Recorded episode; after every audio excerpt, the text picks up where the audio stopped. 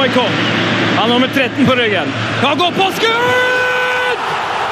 Hjelp, for et mål! Det er over! Det er finito! Det er klart!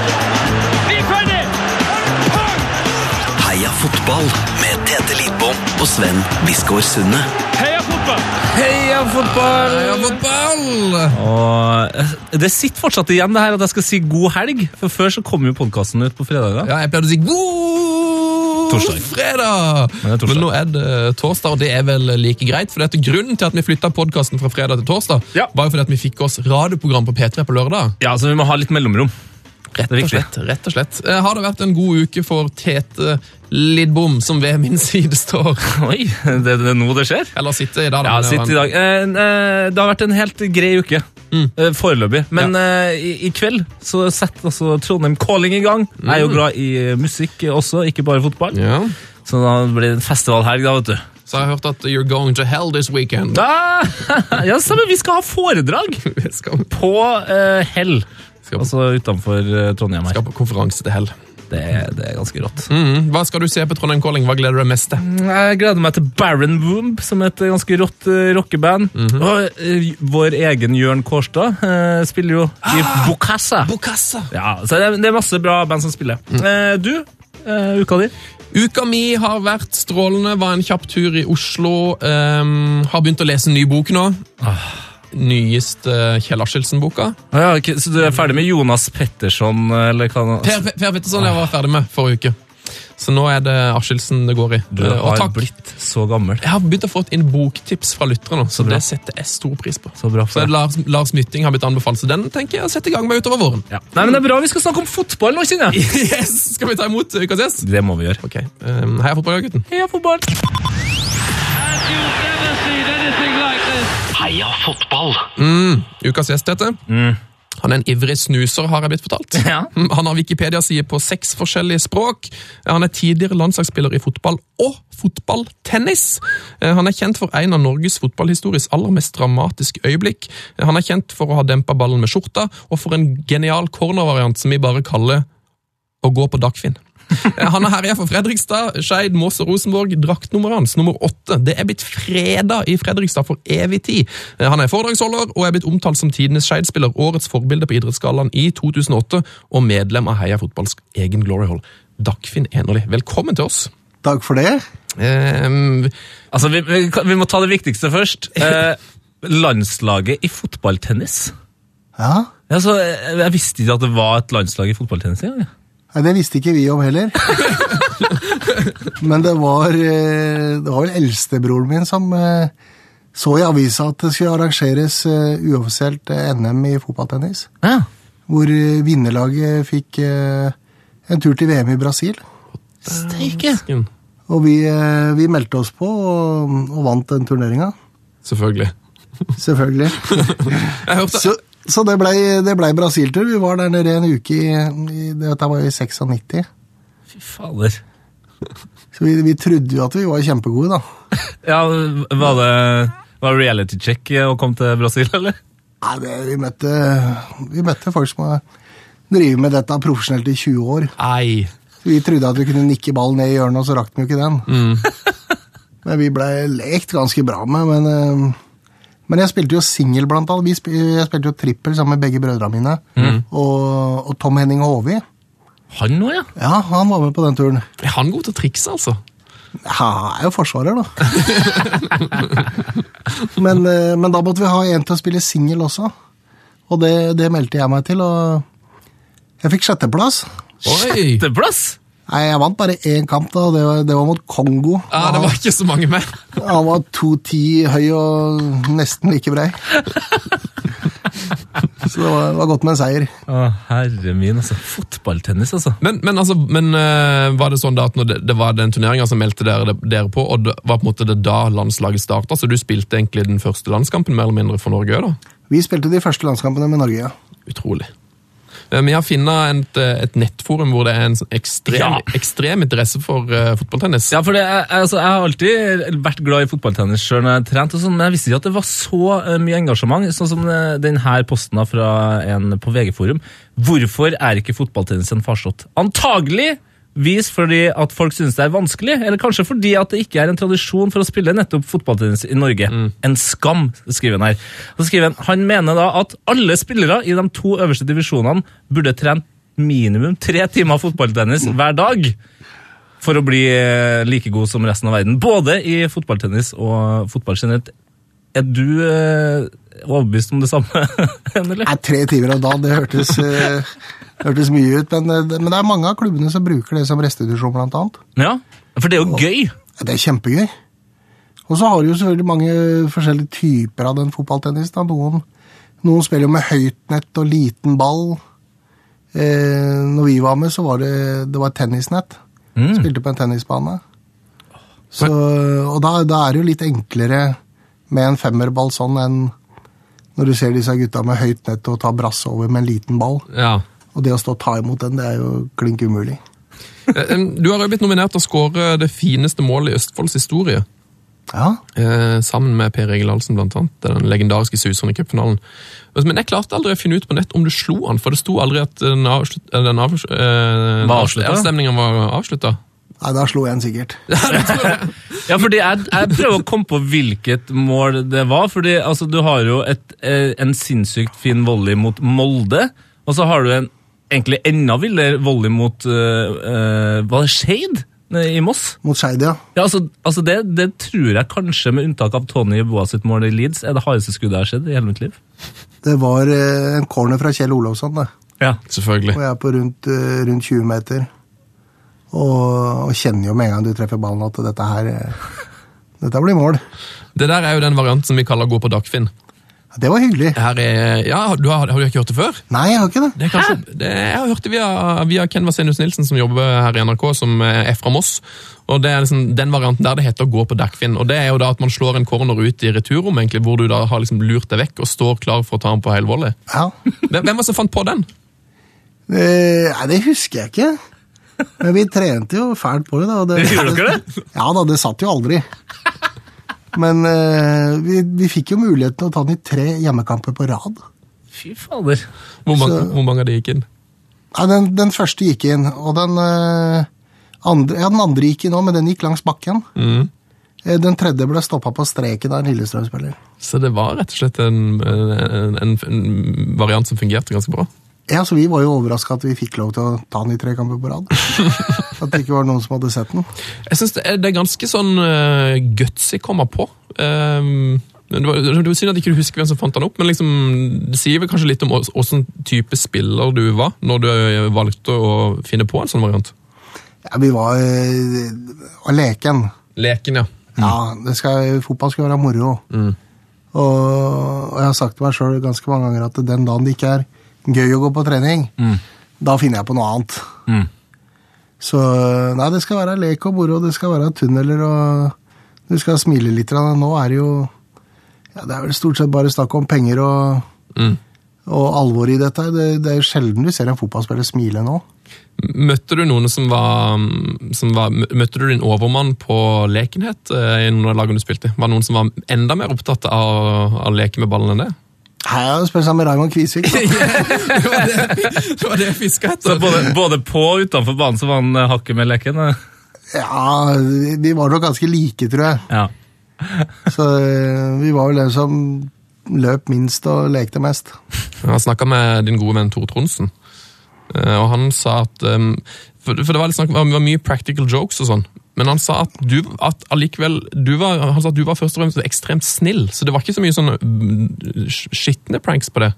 Nei, jeg har aldri vært noe glad i å såre mennesker. Men å, men å tulle og tøyse litt, det, det er jeg veldig glad i. Hva er din favoritt eh, practical joke? Å, dæven.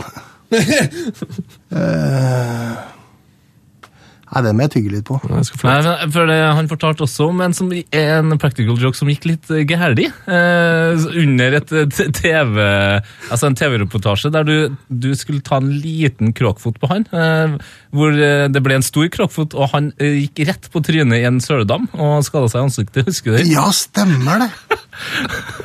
Det var jo i Fredrikstad, det hvor vi skulle Ja. på Merkur og trene. Å, fy Ja. fader.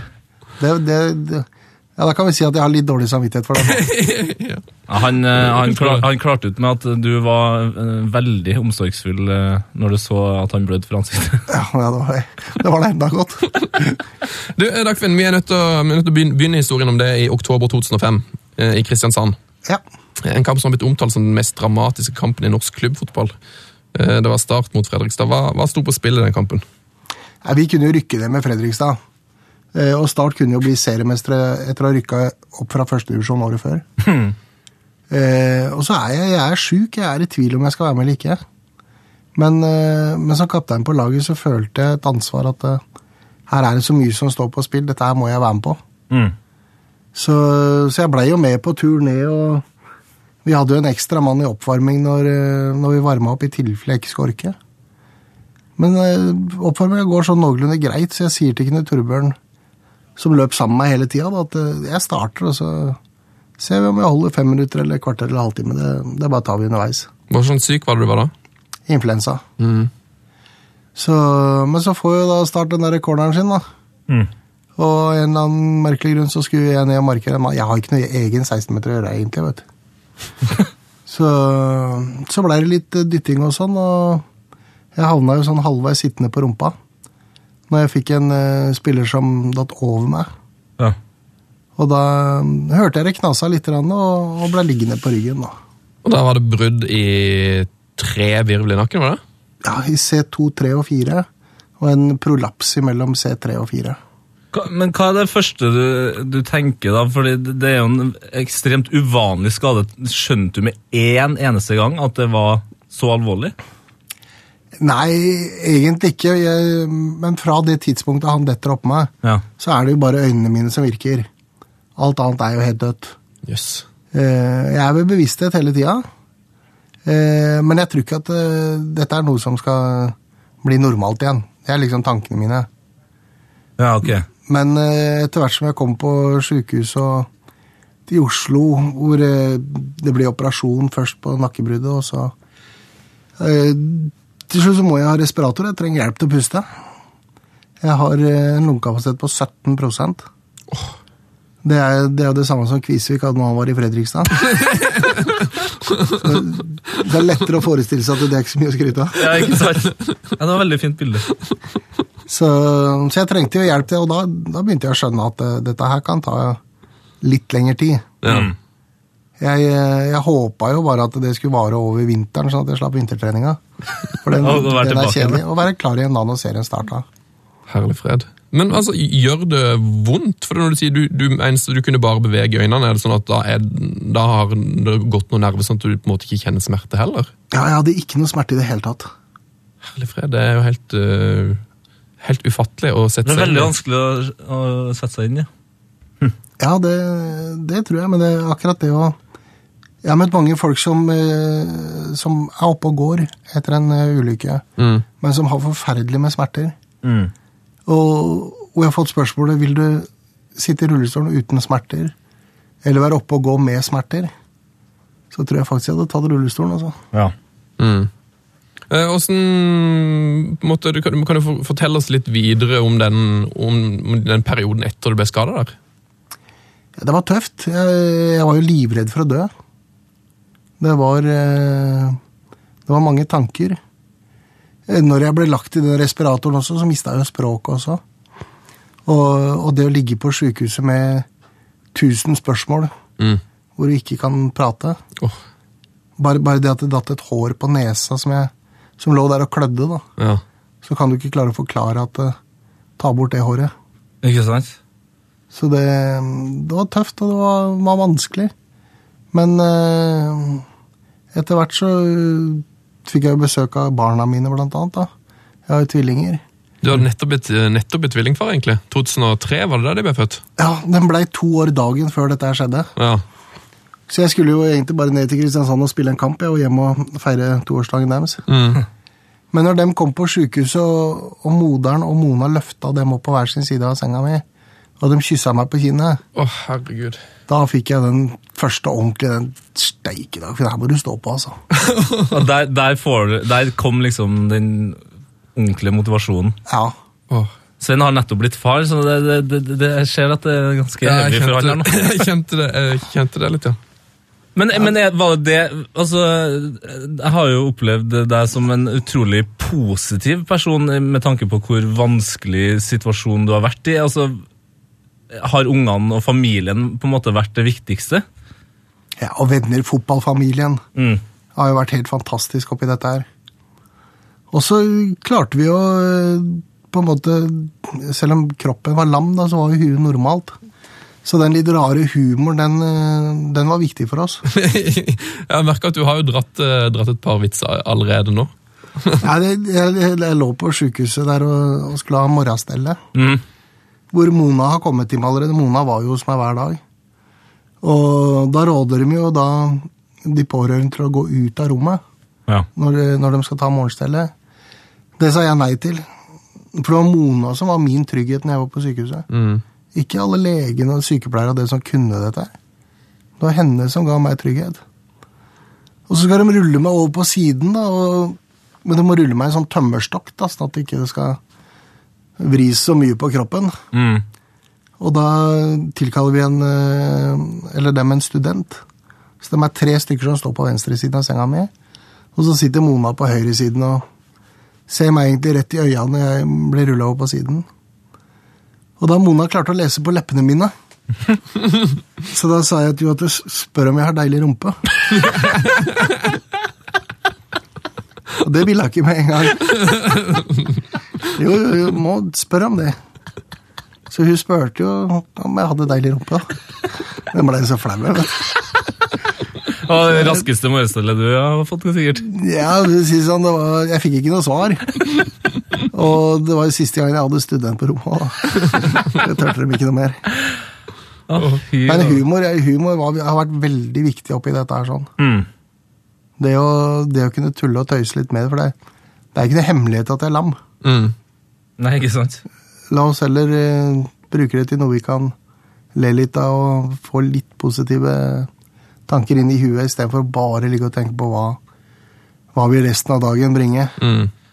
Men som eh, toppidrettsutøver så har du sikkert fått banka inn i hodet så mange ganger at det er liksom de små seirene, de små målene, som er liksom viktig for å nå på en måte, så langt som du kom. da. Har, har du liksom brukt det samme i, eh, etter ulykken, i forhold til de små tingene som eh, blir bedre?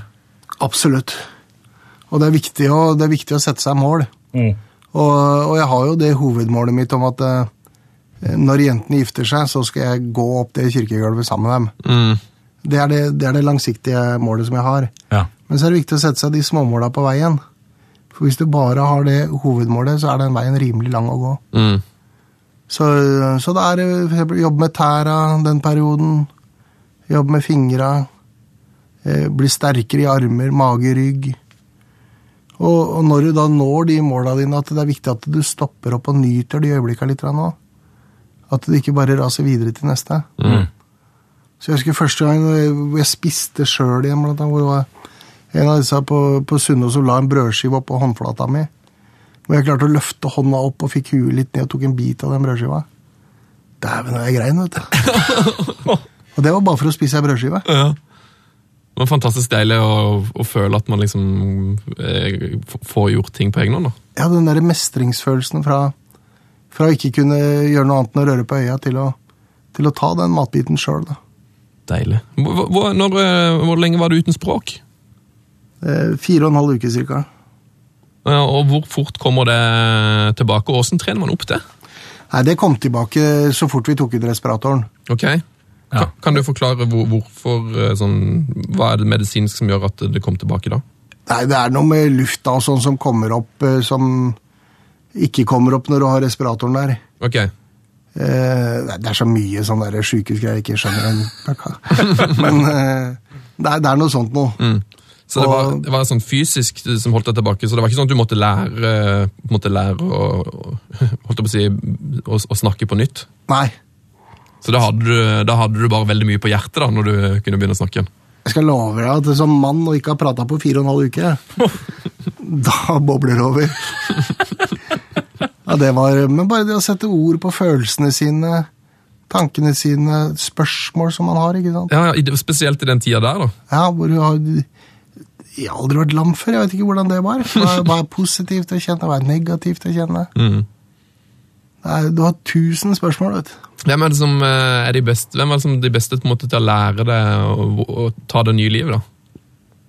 En gang til, hvem er Altså, hvem var, det som, hvem var det som kunne lære deg det nye livet med å være lam? Er det lege, eller hvem er det som på en måte har hjalp deg mest i den fasen der med å skjønne uh, Ta inn over deg det nye livet du skulle ha framover? da?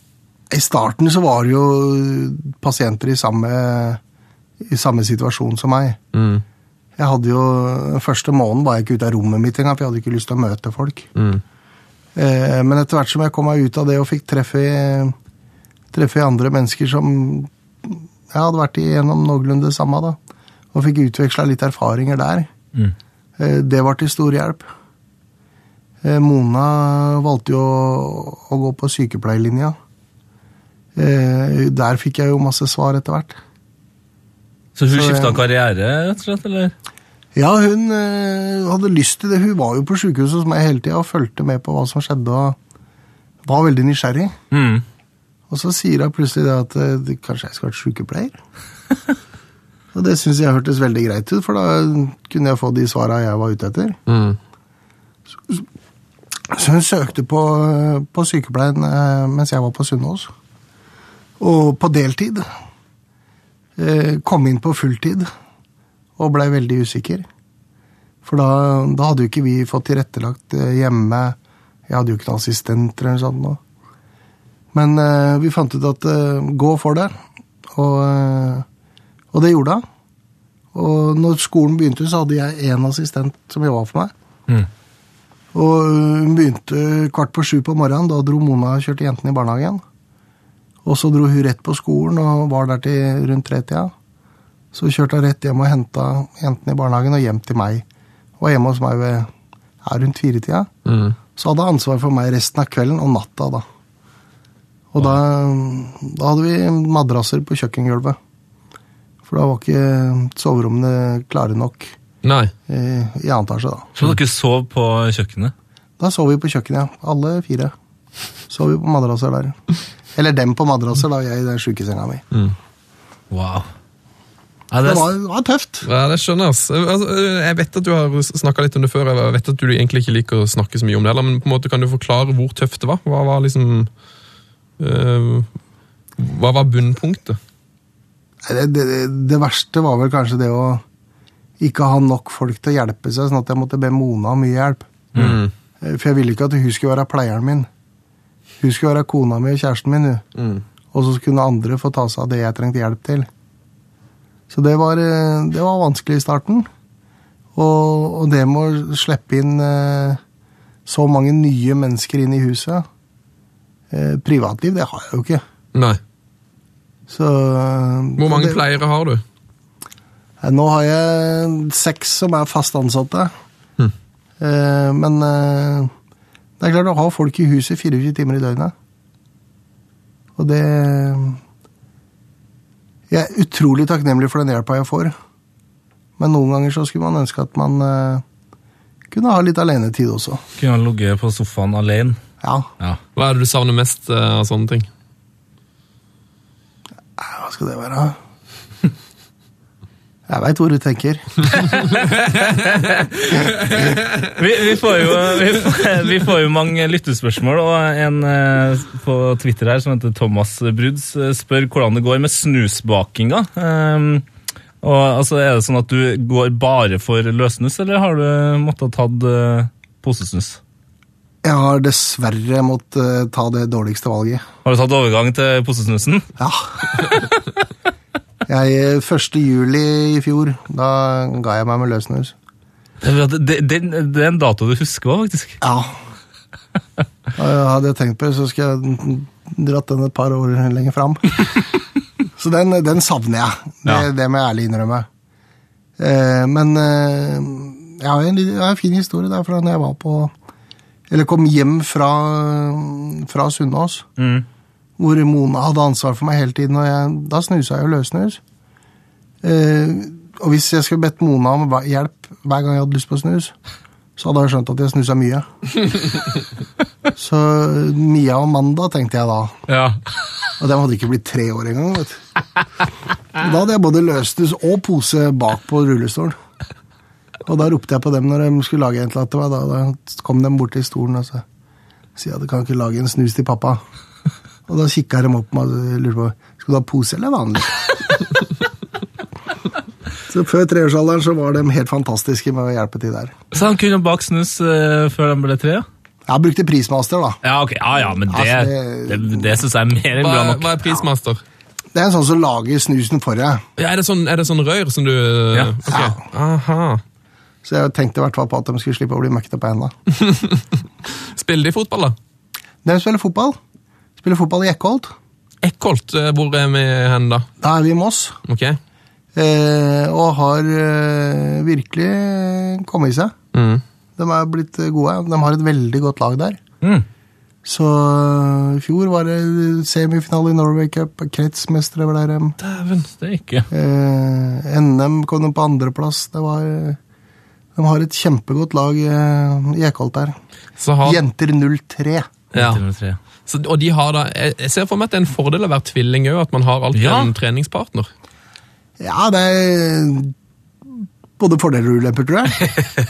Men kan vi fort bli litt le av hverandre, kanskje. Nei, det, nå, nå går det jo rimelig greit. Mm. Men eh, det er klart at når du, når du går i samme klasse, så er du på skolen sammen, og så kommer du hjem, så er du sammen, og så drar du på trening sammen, og så kommer du hjem fra trening, så er det lekser og sånne ting. Og det, de er mye sammen. Ja. De er jo det. Så, men det, det går greit nå. Det er bra. Jeg hørte et veldig fint intervju med deg på P4, tror jeg, i fjor. eh, Hvor du snakka om drømmene dine. Ja, Og det var ganske interessant. mange drømmer. Og da går du. Da går jeg. Det er eh, Og det er en eh, Det drømmer jeg jo ofte. At jeg er oppe og går. Mm. Spiller du fotball, da? Da spiller jeg fotball òg. Jeg er litt sånn eh, Litt sånn halvklønete. Litt oldboys-stemning Ja, for. men, eh, men det er jo bare det å ta veldig mange av drømmene, så går jeg opp en trapp for å komme til selve banen. Mm. Og når jeg er på troppen av trappa, så finner jeg at jeg har ikke leggskinn. Og så må jeg gå ned igjen, og da våkner jeg. Det er kjedelig. Og så Det er liksom leggskinnene som gjør at du våkner. Det gjør det på en måte ekstra trist. Og så leggskinn, liksom. Ja. På, på hvilket nivå er det du spiller fotball? Er det trening, eller er, det, er, du, i en, er du i Fredrikstad, eller er du i en klubb? Altså, er du i Ja, det har vært med Fredrikstad. Stort sett i Fredrikstad? Har stort sett i Fredrikstad på de drømmene der. Og det, det er jo en eh, sånn drøm jeg har, og at den dagen kroppen funker ordentlig igjen. Mm. Så For jeg har ikke lagt opp. Du har ikke lagt opp, nei? Nei, nei, nei. Jeg har bare tatt en pause. Det, det er så populært med disse pausene. Ja, men det er sånn, du, du er 44 nå, ikke sant? Ja, Ja, og jeg, Så vidt jeg husker, så hadde du for eksempel han brasilianske keeper Roger Senior. Han spilte da han var 50. ja. Så, så, sånn sett så har du jo relativt god tid. Ja, jeg er lettrent er jeg også. Det, det skal ikke være noe problem. Men det å, det å kunne spille en fotballkamp, eller de siste to minutta, Mm. og gå ut av banen for egen maskin, da har jeg lagt opp. Ja, ja, ja. Det er målet. At ikke det siste liksom blir båret ut etter en, eh, en lang karriere. Nei, Det å kunne gå ut, takk for seg sjøl Ja. Hvor, hvor, eh, hvor fort nærmer du deg målet? For jeg vet at du har vært oppe og gått noen ganger. Jeg hadde som målsetning i 2014 Den, eh, den røyk. mm. Så økte jeg treningsmengden litt, eh, og forskjøv det målet til 2015. Eh, Det skjedde ikke noe i 2015 heller. Flytta målet 2000 Ja, jeg blei litt skuffa, Ja. men samtidig så Kroppen er klar når den er klar. Mm. Økte enda mengden litt. grann. 2016, det er året. Skjedde ingenting. Men jeg begynte å få mye mer kriblinger i leggene, og, og kjente at uh, han blei litt mer levende. Mm. Eh, Men det skjedde jo ikke i 2016 heller, så jeg har eh, målsetning om at i år Det er året det skjer. I år skjer det. Det hadde vært en vakker eh, avslutning av sesongen. da. Ja, det hadde vært utrolig moro. Høsten. Så øh, jeg veit ikke om det skjer, men jeg skal gjøre mitt for at det skal skje. Og, øh, og jeg vil klare det uten all verdens operasjoner og Vi har jo fått tilbud om både det ene og det andre, liksom, men det, Den kroppen har vært skåret i så mye nå at eh, nå har jeg lyst til at den skal prøve å lege seg sjøl. Klare seg på egen hånd. Ja, og, det er- og så er det en inkomplett skade jeg har, sånn at uh, ting gror jo sammen. Mm. Men det, det gror jo ikke fort. Nei. Så du må Så det- ta den tida det tar, rett og slett. Ja, så være litt uh, tålmodig, som ikke alltid er like lett. Eh, Vi skal hilse deg veldig mye fra forrige uke sist, som var Per Ivar Staberg. Ja, Per Ivar, ja. ja. Han eh, dømte deg jo i, i den kampen, blant annet sikkert en hel haug med andre ganger òg. ja. han sa at du, at du holder fantastiske foredrag. Eh, hva, hva snakker du om i de, i de foredragene? Nei, litt om hvordan livet ble snudd, og de utfordringene man får. Motivasjon til å stå på. Eh, hvordan livet er nå. Det å, det å kunne eh, samarbeide som et lag istedenfor å tro at det jeg gjør sjøl, er det beste. Mm. Eh, jeg er litt sånn mange, mange er vi jo nede i kjellerne et par ganger i løpet av livet. Mm. Det å, det å skjønne at vi har, vi har positive ting i livet vårt, selv om vi er langt ned i den kjelleren. Mm. Og så prøve oss å bygge, bygge flere av de positive knaggene, og så komme seg ut av den, ut av den dårlige perioden. da. Mm. Vi har fått eh, lyttespørsmål fra Freddy Santos òg. Det kan jo være at det har noe med kjelleren å gjøre, det her òg. Fordi han spør eh, kan Dagfinn fortelle om de årlige skiturene med A-laget til Skeid. Å, fy fader. ja, vi var eh, ja, Vi tok toget opp til Var det Stryken eller noe sånt nå? Og så skulle vi gå på ski til, eh, til en eller annen hytte. Og da, var- da var det sånn hadde vi hatt eh, turnering inni Inni den innendørshallen oppe på toppidrettssenteret. Sånn at eh, taperlaget av turneringa den fikk dårlige senger og sånn på hytta. og måtte ta oppvask og sånn. og vinnerne kunne egentlig bare kose seg gjennom hele helga. Så vi kom jo til den hytta og skulle jo spise, og plutselig så smeller det i den ene ruta. Da var det en som sto i andre enden og pælma en potet. da. Så den gikk rett gjennom hele matbordet og knerta ruta på andre sida. Så det er eh, Gutta kunne drikke.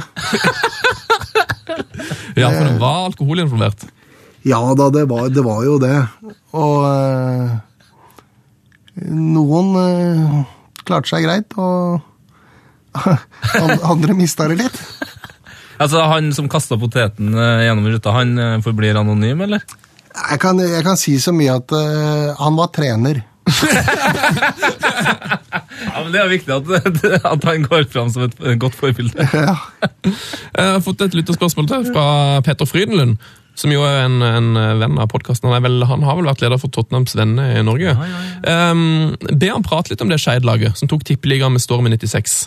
Eh, lå vel på andre- eller tredjeplass helt fram til sommerferien. Stort sett med halvprofesjonelle spillere. Det var, det var et litt spesielt lag det, du var med på der. ja, det var det. Og det var jo, vi var jo spådd nedenom og hjem. Vi, vi rykka jo opp i 95. Så i 96 var, det, var vi på Ullevål og skulle være med sammen med de store gutta. Og vi, vi hadde jo dratt med oss masse selvtillit fra året før. Vi, var, eh, vi visste at vi var gode. Og det Jeg, jeg, spilte jo på topp sammen med Jan Petter Olsen, blant annet. Og eh, vi løp jo fra de fleste som var forsvarere. Så vi hadde, vi hadde et utrolig godt lag. Eh, Midtbane med folk som eh, løp gjennom hele kampen. Forsvaret, godt forsvar som, som stoppa mye. Så vi, vi vant og, og bare fylte på den selvtillitboksen mer og mer.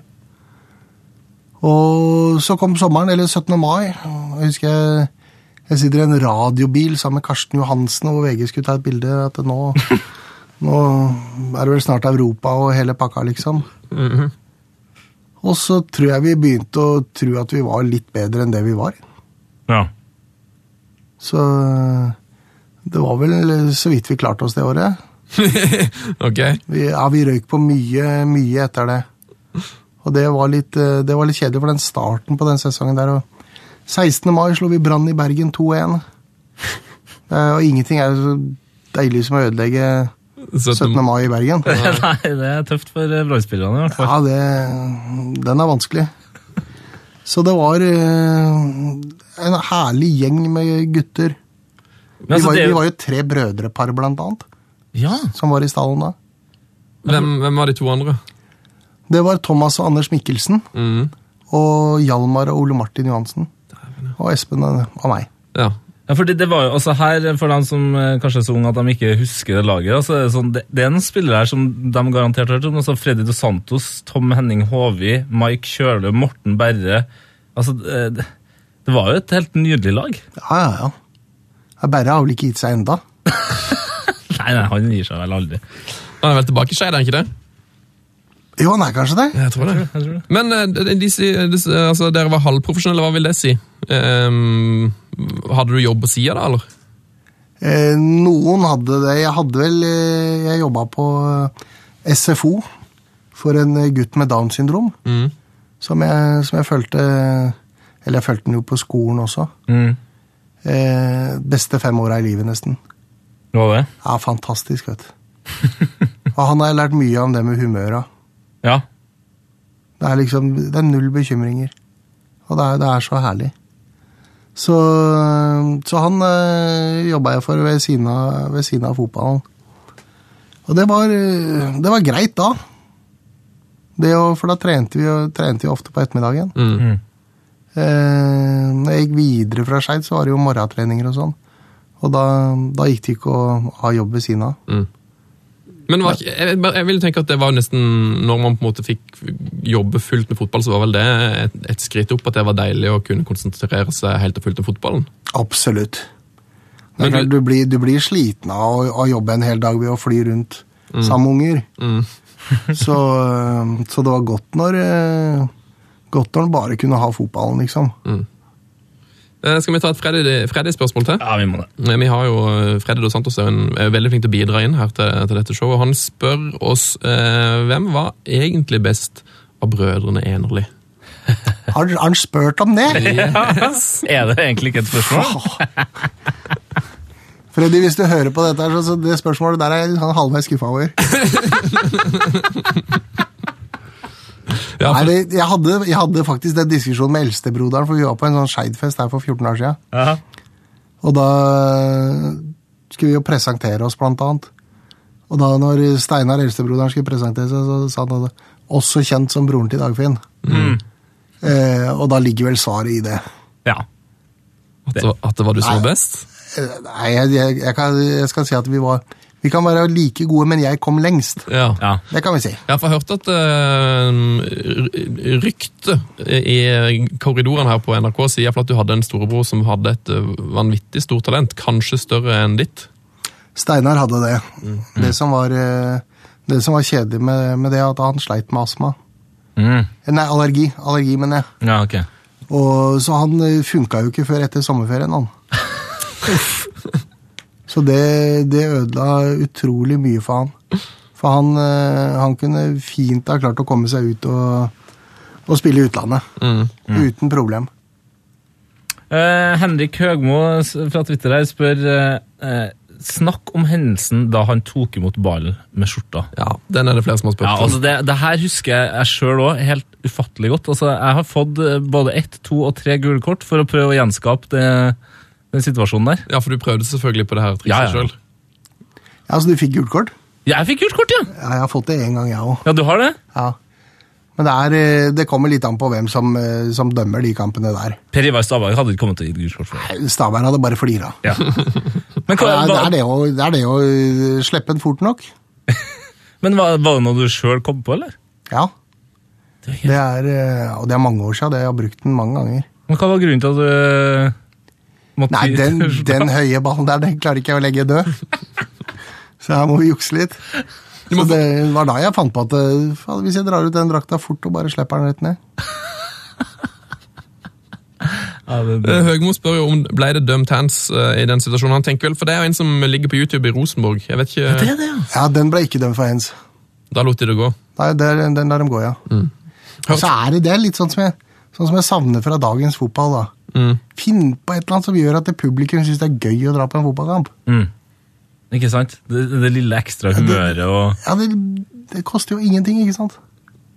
Kan, jeg kan koste et gult kort, da, men det det er verdt det. er det er det verdt, altså. Du fikk vel ikke så mye gule kort uh, for spillestilen din ellers, så du hadde vel kanskje råd til et par òg? Jeg hadde råd til sånne gule kort. Jeg har vel aldri takla en spiller, tror jeg. Ikke med vilje, i hvert fall. Ikke med vilje, nei.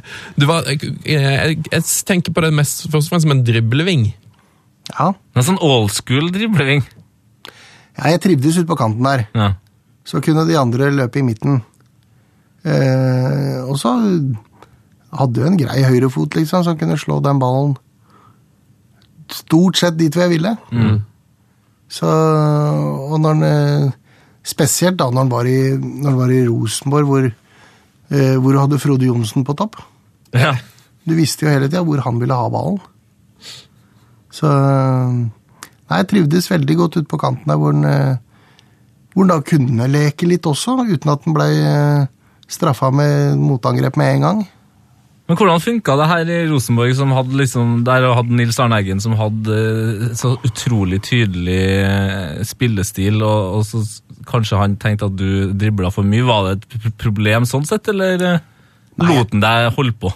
Nei, jeg, jeg var nok ikke den som drilla mest i Rosenborg, for å si det sånn. Eh, men det er klart at når jeg kom til Trondheim, så kjørte han meg jo helt ned i grøfta.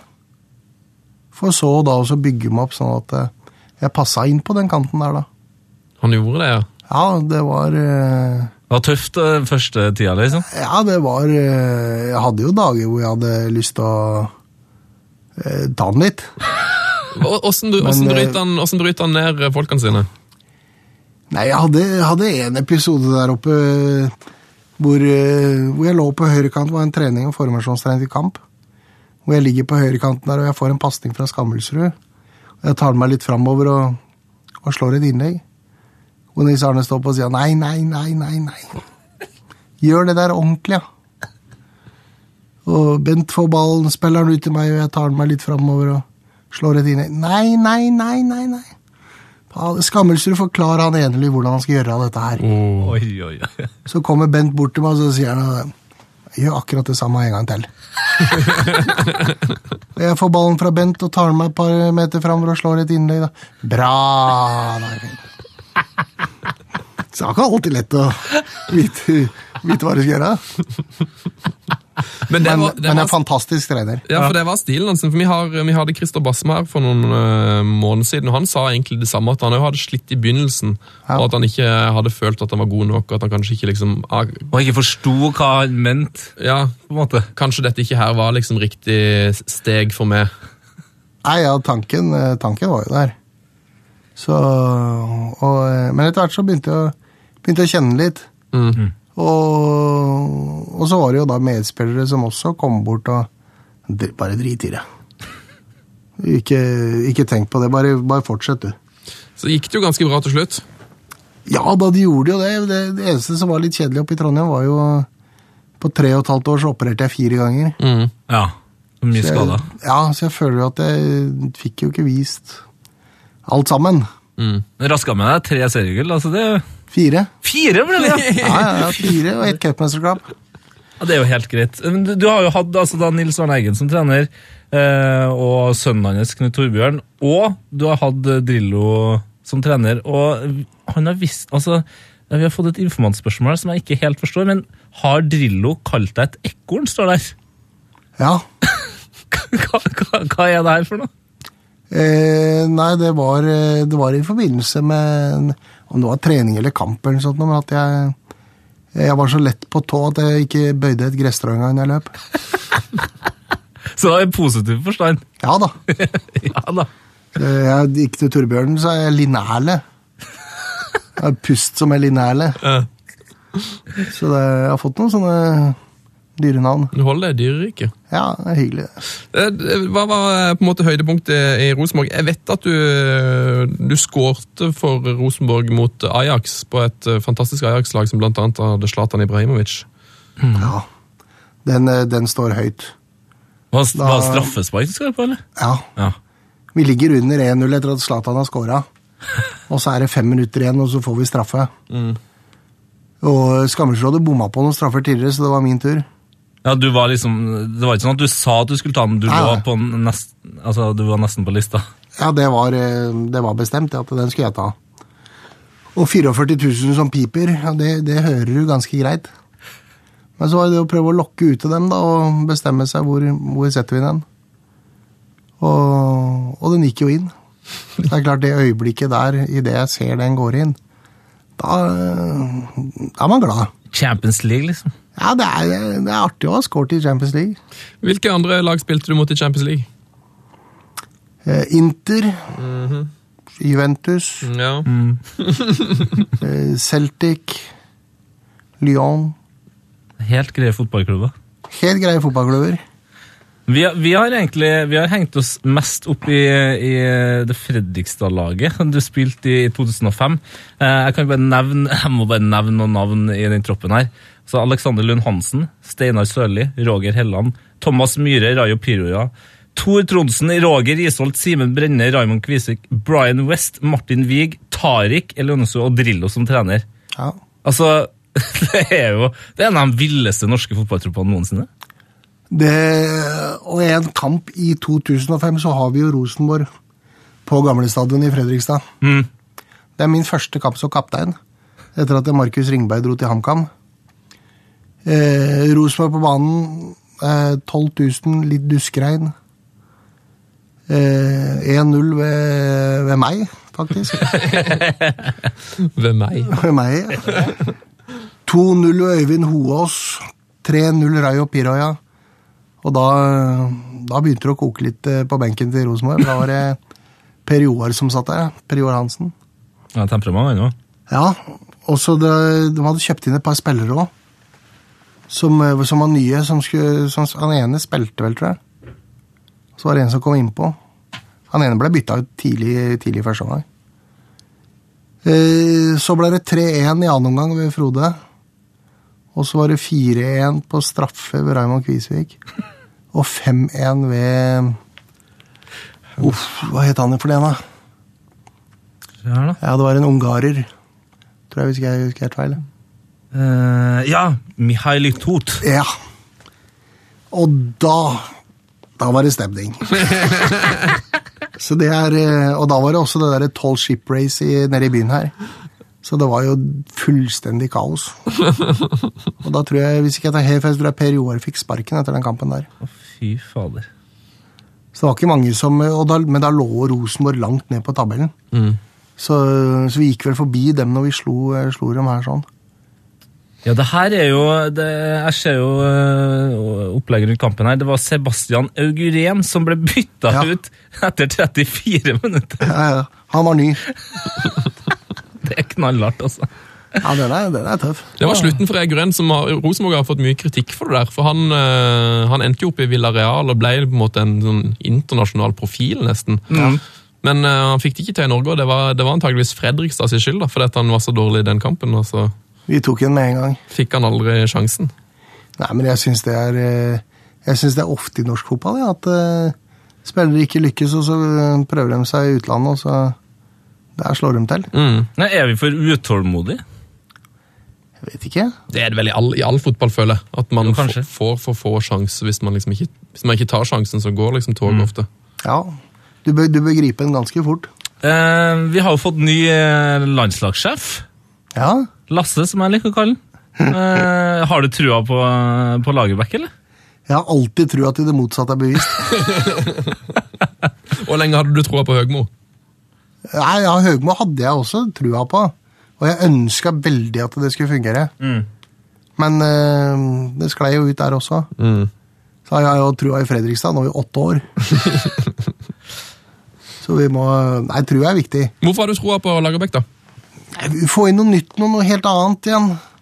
Selv om han sier sjøl at han eh, kan ligne litt på Drillo, Ja. så, så er det et nytt menneske som kommer inn i den garderoben der. eh, utenfra. En som ikke kjenner spillere så godt. Som må kanskje bli kjent med dette her på nytt igjen. Eh, kanskje spillere viser en annen type holdning overfor en, en utenlandsk trener. En som de ikke veit hvem er, eller ikke kjenner. At du eh, Du kanskje ikke har det der sikre klippekortet. Mm. Ja, det, er sikkert, det har jeg tenkt, det er sikkert en veldig bra greie med, med å starte på nytt nå. At liksom de spillerne som kanskje un, som er gode, men som har underprestert litt under Høgmo fordi at de ikke fikk den tilliten, at kanskje de nå Kanskje liksom det blir 20 mann som tror de kan starte, og som kommer til å liksom, at alle hever seg. da. Ja. Det er det man må håpe på. ja. Kommer vi til VM, da? Det er jo ekstremt, eh, skal jo ekstremt mye til, men eh, tror du vi klarer det? Nei. Nei, det blir vanskelig. Nei, her har vi ikke noe å gjøre heller. Eh, har, har, du spilt noe, har du spilt noe fotballmanager? Kjenner du til det? Jeg, jeg, jeg har hørt om det. Nei, du har hørt om det? Ja, Ja, for, Dattera mi spiller det, men ikke jeg. hun spiller det, ja. ja. For vi har fått eh, et lyttespørsmål her fra Fredrik Hjerte, som skriver eh, at Dagfinn Enlyk kunne bli ansatt som hjelpetrener på Fotballmanager 2016. Han var usikker på om det også gjaldt 2017. eh, og han hadde den sjøl i Stjørdalsblink. Eh, har du noe lignende verv i dag, eh, og er du åpen for å liksom ta en trenerkarriere?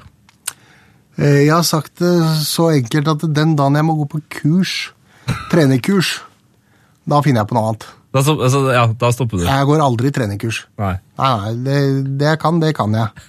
Og det defensive blir visst ikke om. Mm. Men eh, nei, jeg har eh, tatt på meg et verv nå å være med i trenerteamet til eh, kretslaget Jenter 03 i Østfold. Mm. Jeg skjønner. Eh, og det, det er artig. Mm. Der er det veldig mange gode fotballspillere. Og, eh, og så er det gøy å, å være med og trene et lag som du ser vil lære. Mm. Jeg trente jo A-laget til Larkollen i fjor. Da var snittalderen 40 år. Kanskje ikke like læringsivrig. Nei! Så der, blir ble det mer møte opp, og så trener vi, og så spiller vi en kamp i uka. Så bare be om at ikke akilleshæla forsvinner. Ja, det, vi testa jo det òg. Dere fikk testa det òg, ja? Ja da, vi prøv, prøv, fikk prøvd litt av hvert hittil sånn sett. Det er klart 40 år, og så tror man at man er 25 enda. Så, så blir det noen skader. Eh, våre beste menn, kaller de seg, de som har stilt neste lytterspørsmål fra Twitter. De sier har Dakvin noen gode minner fra sin første landskamp mot Georgia i 96. Husker han hvem han kom inn som innbytter for? Uh, kan det ha vært Fjørtoft? Det tror jeg stemmer. Jeg tror du kom inn i det 47. minutt. Ja. Jeg husker ikke så veldig mye fra den gangen. Det eneste, eller en av de ja, Det er jo kanskje det eneste jeg husker fra den kampen. Det er vel at jeg får, eh, jeg får en pasning fra en på et par meter hvor jeg skal bare klinke til med venstre. Og den gikk på øvre del på tribunen, tror jeg. Mm. Eh, Men en fantastisk opplevelse. Ja, det var hjemme òg, det der. Ja, det var hjemme på Ullevål. Så det var eh, Og det Når den troppen der ble tatt ut, så sto det et bilde i, bilde i VG, en profilbilde alle sammen, og da sto det 'Tidenes landslagstropp'.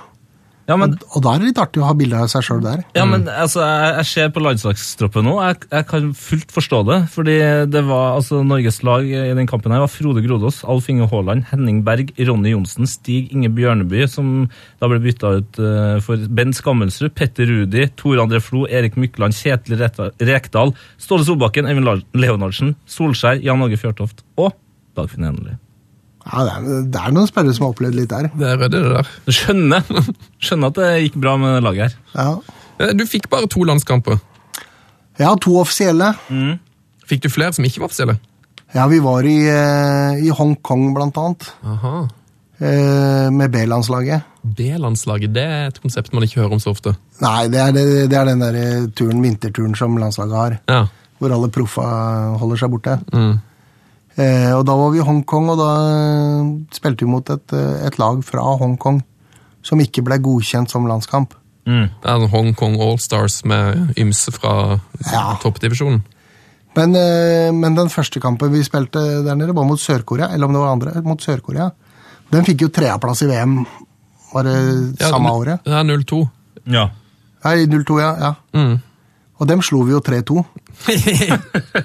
Så, Så du tar med deg et, eh, et moralsk, eh, en moralsk bronse fra VM òg? ja, jeg kan si til han Lagerbäck at hvis jeg er oppe og går igjen, så har jeg aldri tapt en landskamp. Vi, spiller, vi spiller det inn. ja. Men, men grunnen til at du bare fikk to kamper, der, var det? Passa du ikke inn i Drillos eh, fotball, eller, eller var du for dårlig, eller var du uheldig, eller?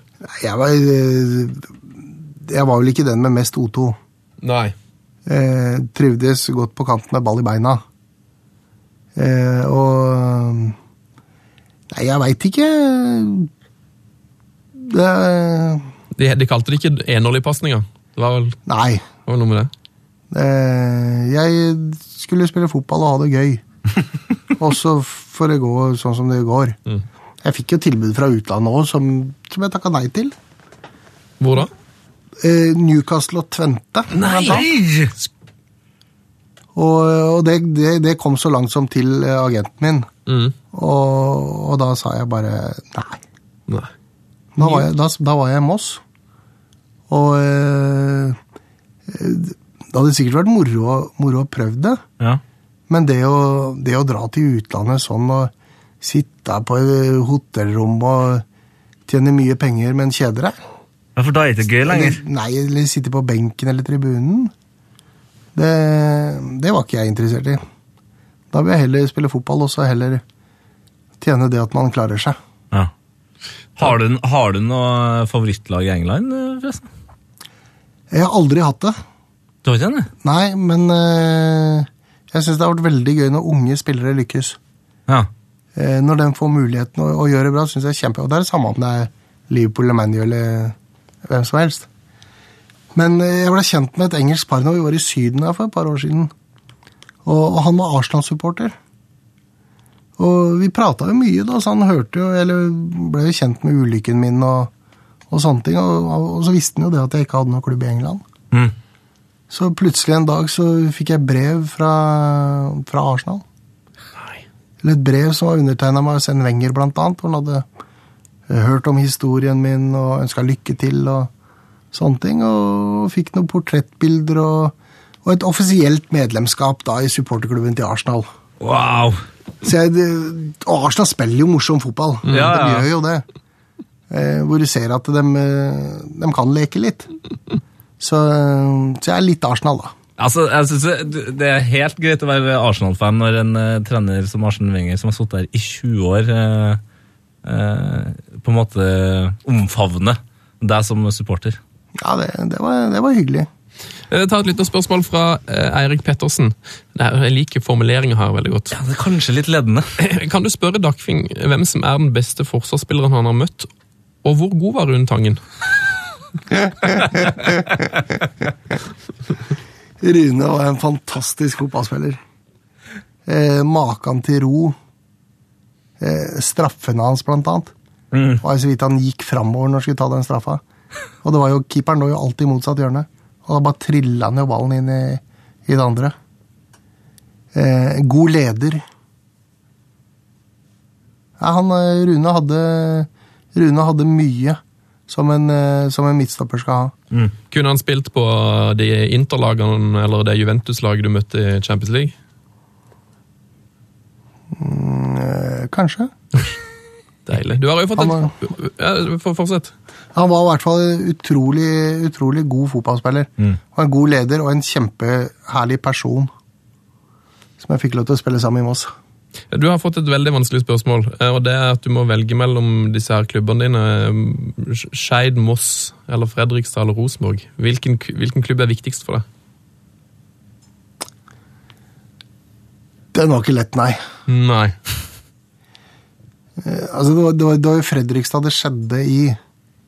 Hvor, eh, hvor jeg fikk masse hjelp fra Plankehaugen og, og sånn hjemme. Eh, Så det er klart Fredrikstad har betydd mye. Eh, Men hadde jeg ikke hatt en god periode i Moss, så hadde jeg heller ikke havna i Trondheim. Nei, ikke sant? Eh, Skeid eh, hadde Nei, det der er, den er vanskelig, altså. Jeg har, hatt, eh, jeg har hatt gode perioder i alle klubbene og har et veldig godt forhold til alle de klubbene jeg har vært i. Mm. Så hvis ikke han kan skrive inn et nytt spørsmål veldig fort og veldig ledende, så Og hvorfor var det Rune Tangen? ja, Hvorfor var det det? Eh, Jeg snakka med din gode venn eh, Tor Tronsen litt eh, før du kom på besøk her. Han, altså, som du har spilt, spilt med i Moss, Fredrikstad og Rosenborg? Ja, så det var jo Tor som hjalp meg til Rosenborg, for å si det sånn. Hva det? For jeg, jeg har alltid vært sånn hjemmekjær og, og veldig opptatt av det med trygghet. Så, så når jeg var i Rosenborg, så ble jo Tor en veldig god kamerat av meg. Og han dro jo til Trondheim før meg. Så, så det var jo tryggheten min når jeg dro til Trondheim. Det var jo Thor. Jeg hadde jo bare sett Nils Arne på TV-en, og sånn, og for meg så var han kling gæren da. Så, så Thor var jo tryggheten min eh, ved å komme opp dit. Mm. Eh, og Thor har betydd, betydd mye for meg når det gjelder fotballen. Han har betydd mye for deg i forbindelse med ulykka, har jeg forstått. Ja, absolutt. Han har virkelig, virkelig vært der, altså.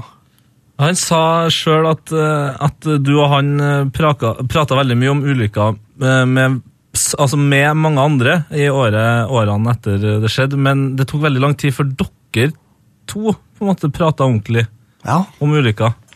Og at det skjedde på litt sånn spesielt vis når det først skjedde. Vi skulle ha et, et foredrag i Trondheim, blant annet. Hvor, hvor vi skulle prate for mot. Eh, Hvor Thor sa da at eh, jeg har ikke, jeg har ikke lest boka Rendal-Arfinn. Sånn.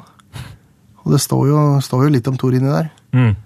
Eh, Jeg tror ikke han har lest den enda heller. Hvorfor ikke det? Jeg vet ikke. Men jeg ga han en, jeg ga han en ganske guffen oppgave ganske tidlig der. For når vi var på sykehuset i Kristiansand, og det kommer to sykepleiere inn, og, eller leger, og vil ha nummeret til pårørende, Mm. så sier jeg nei. Det får dere ikke. Jeg, jeg vil at det er en som kjenner Mona, som skal ta den telefonen. Ikke bare en lege som sier at mannen din har brekket nakken på C2, 3 og 4 og en prolaps mellom 3 og 4. Han kommer til Ullevål snart, så du får besøke ham der. Og så legger han på.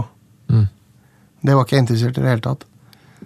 Så jeg sier, ser på Tor og så sier jeg til Tor den telefonen er det du som må ta. Og som Tor sa i ettertid, at det er den verste telefonsamtalen han noensinne har tatt. Men han ringte jo kona si først, da. Sånn at hun kjørte fra Fredrikstad til Larkollen. Sånn at hun var hos Mona når, når Tor ringte og, og ga dem beskjeden. Men da hadde det også kommet, kommet litt flere folk hjem til Mona. Sånn at hun kunne eh, kjøre fra barna da, og, og komme til Ullevål hvor jeg kom. Ja. Så, men det er klart, Tor har, Tor har vært der og ordna opp mye. Han, når jeg var på, på, Sund, nei, på Ullevål, blant annet, så ordna han jo to telefoner til oss eh, med videooverføring.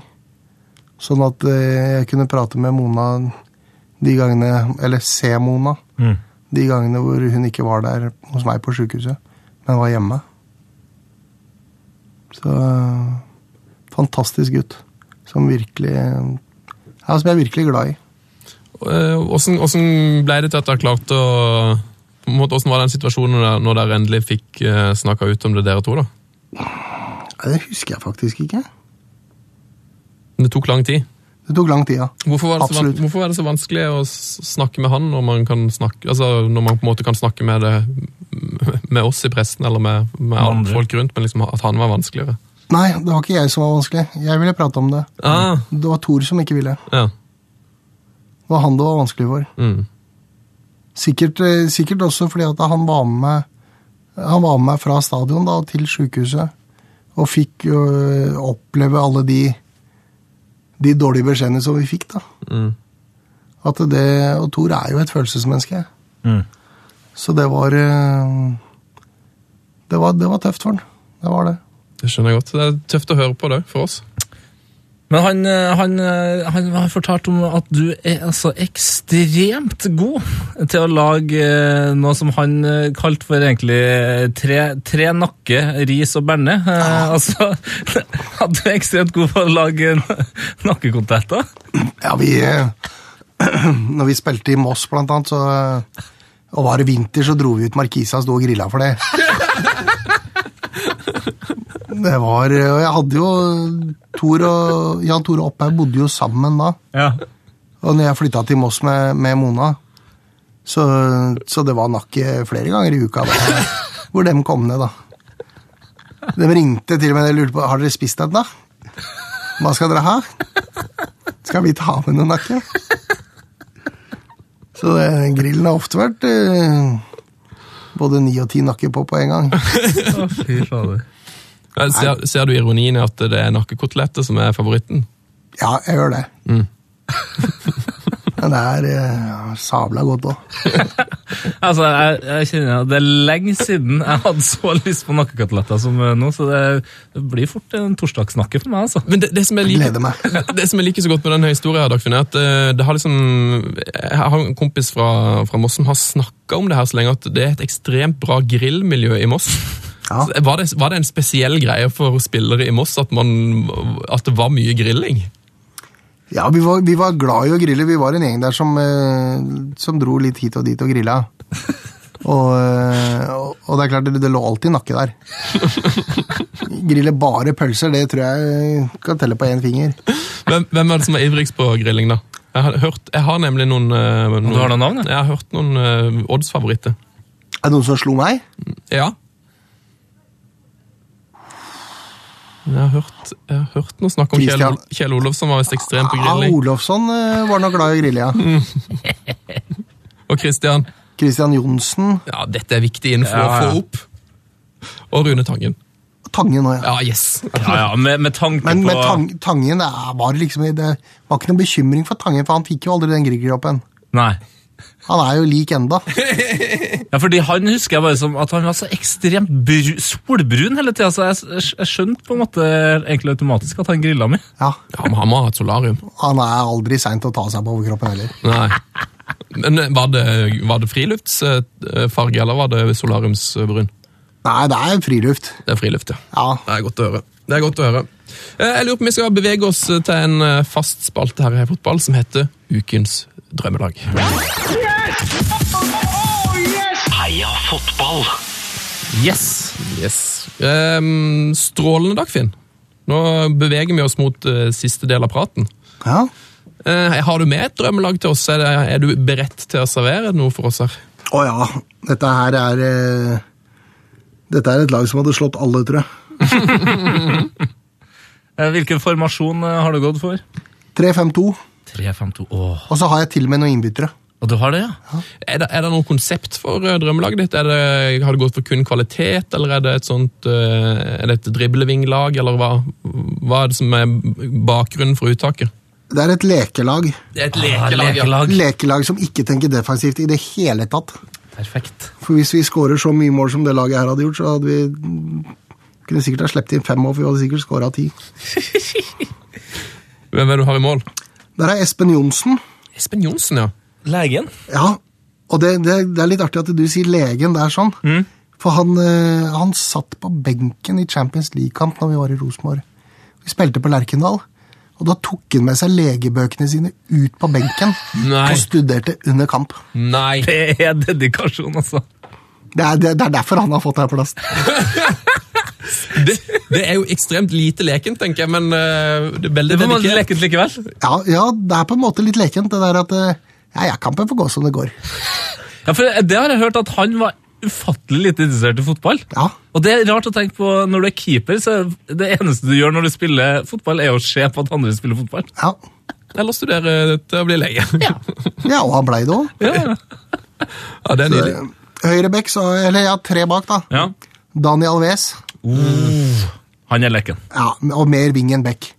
Og som eh, tidligere ving sjøl så er det artig når bekken kommer opp og er med og leker litt. uh, midtstopperen min det er da selvfølgelig Tor Tronsen. Ah, ja, ja. Mm. Norges beste brystkasse. ja, han var god på det! Ja, Ta ned på brystet. Uansett om den ballen kom i 5 km eller 50, så lå den død på brystet hans.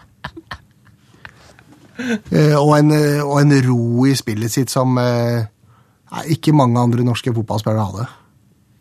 Ja, Karrieren hans ble vel heller ikke så lang som uh... Nei, han gjorde jo ikke det. Han fikk jo disse hjernerystelsene sine. mm.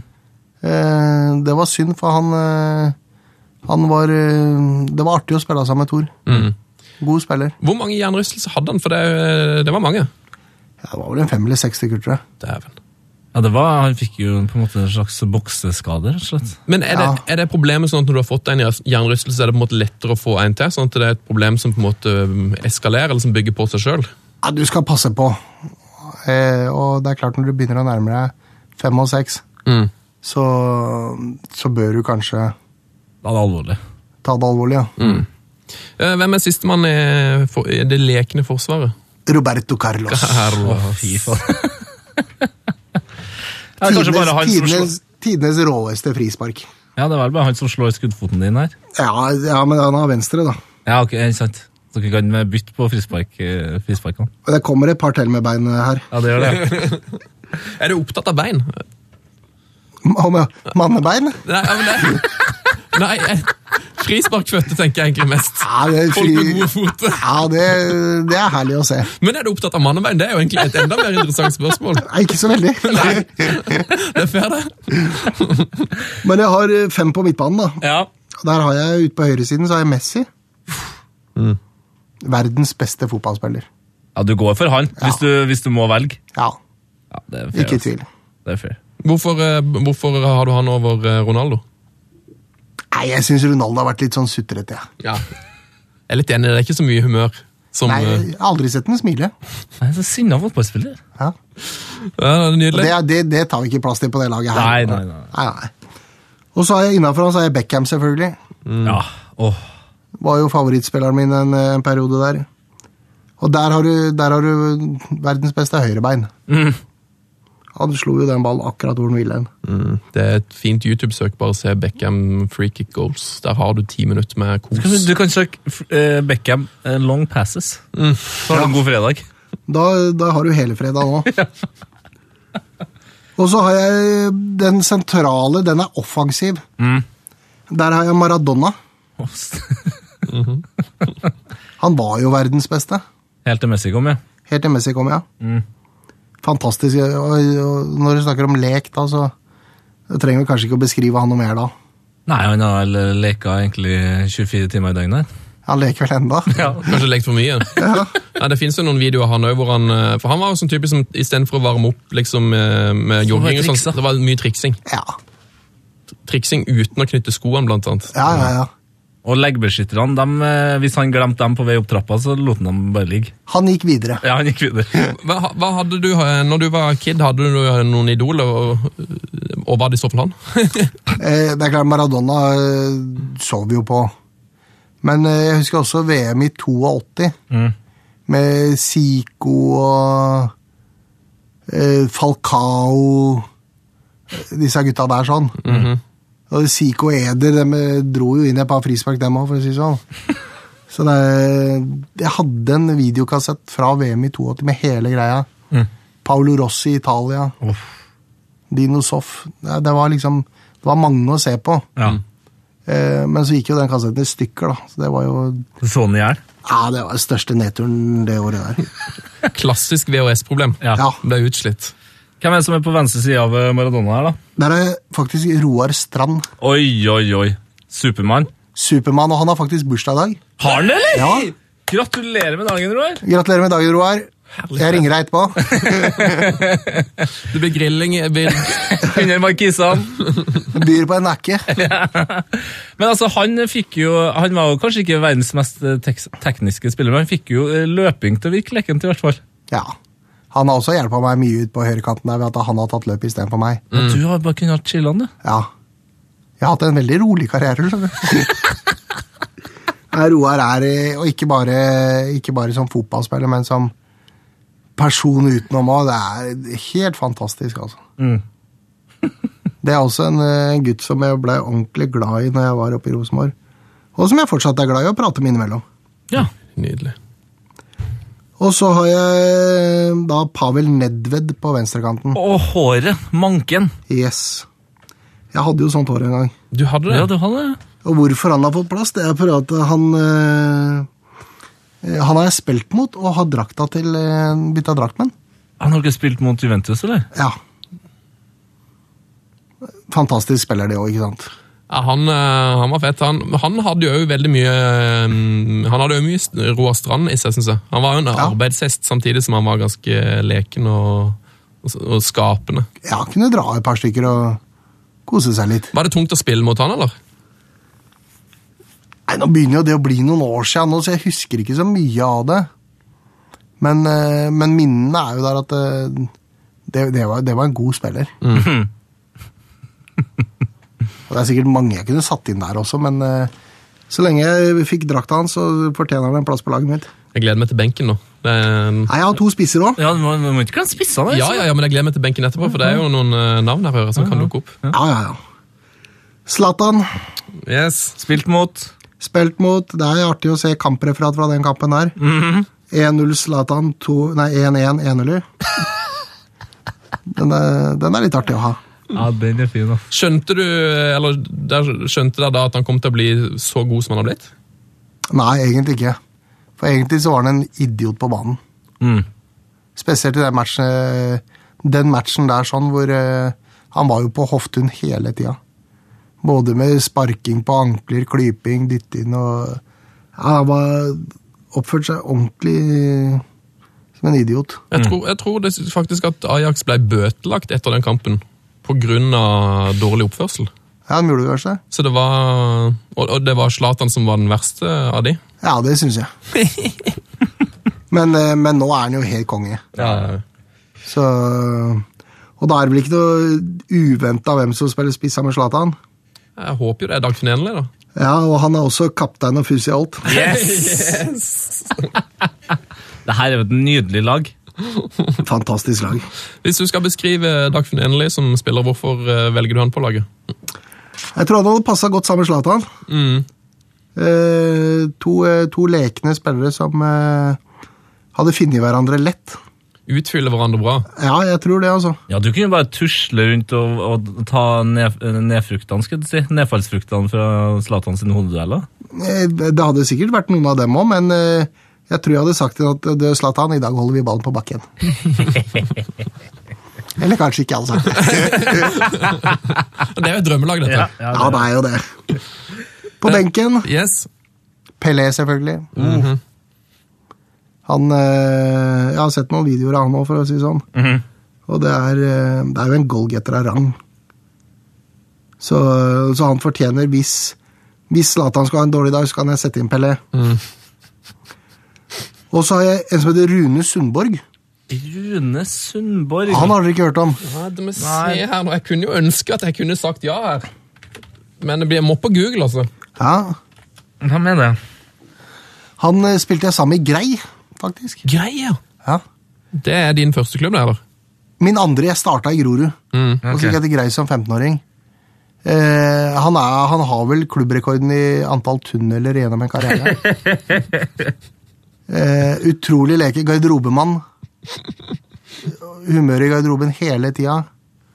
Eh, det som var litt synd med Rune, det var at han eh, måtte gi seg på, ved å satse, da. På grunn av operasjoner i beina. Mm. Så, ellers så hadde han, eh, han hadde kommet langt. Rune Sundborg. Jeg merker meg navnet. Ja. Ja, gjør det. Eh, Hall of Fame, sikkert. Eh, jeg kommer ikke dit, men eh, en god spiller. Deilig. Eh, Får han besøk av noen flere på benken? Neymar. Neymar, ja. Ah, yes. Det var en av, Hvis, en av eh, dine favoritter. dette. Ja. Hvis Nedved skal få hår i øya og ikke se, Men så har han, Neymar å sette inn. han er på en måte kanskje en av de få eh, spillerne som spiller noe som eh, holder på det her, som du sier, som, som gidder å gjøre noe, sånne små ekstra artige ting. Ja. Altså Istedenfor å ta ned ballen vanlig, så, så tar han den liksom eh, bak foten og Bare for en litt ekstra underholdning. Og det hører du på publikum med en gang. Ja. Det har så mye å si. Ja. Han ble, kåret, eller han ble nå rangert til å være verdens mest verdifulle fotballspiller. ja. Fordi han er jo, han er jo noe litt yngre enn Messi og, og Cristiano, og så har han jo veldig mye annet eh, som er verdsatt. Mm. ja. Siste eh, benkeplassen. Siste benkeplassen går til en jeg slakta litt i stad, men han fortjener det. For han har, eh, han har noen gullballer. Og det er Krish. Det er det, vet du. Krish Ronalds. Ja. Han var jo han var kanskje mer leken før. Ja, men det jeg har tenkt litt sånn, Nå er det veldig mye offensivt her. Så hvis Tronsen hadde fått en hjernerystelse til, så hadde jeg satt Ronaldo som stopper Se der, ja. og brukt bare hodestyrken hans der. Og så trukket inn Carlos og Alves litt. Så hjelpe han. Nei, det her var et helt uh, nydelig drømmelag, endelig. Jeg tror ikke det er mange som har slått oss. Nei, det tror ikke jeg, Det altså. skal ha mye til. Det er han enerlig, da. Spørs.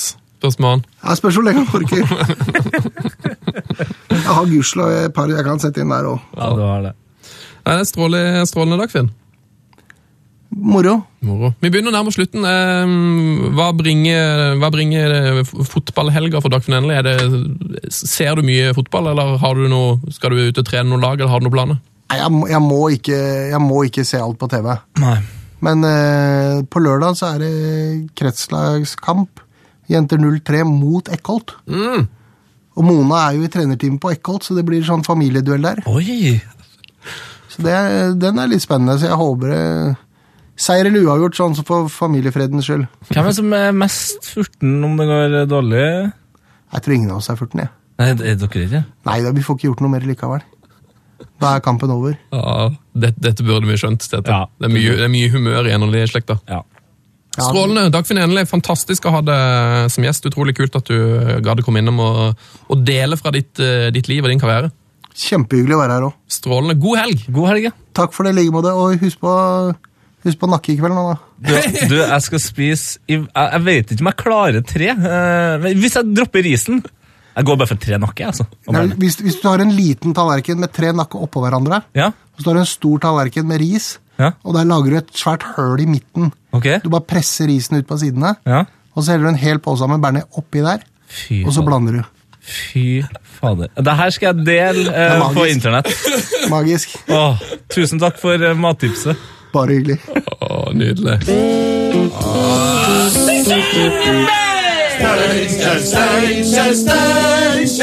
Det er ingen som vi, som fotballag som vi. Gå nå på, så skal vi slå.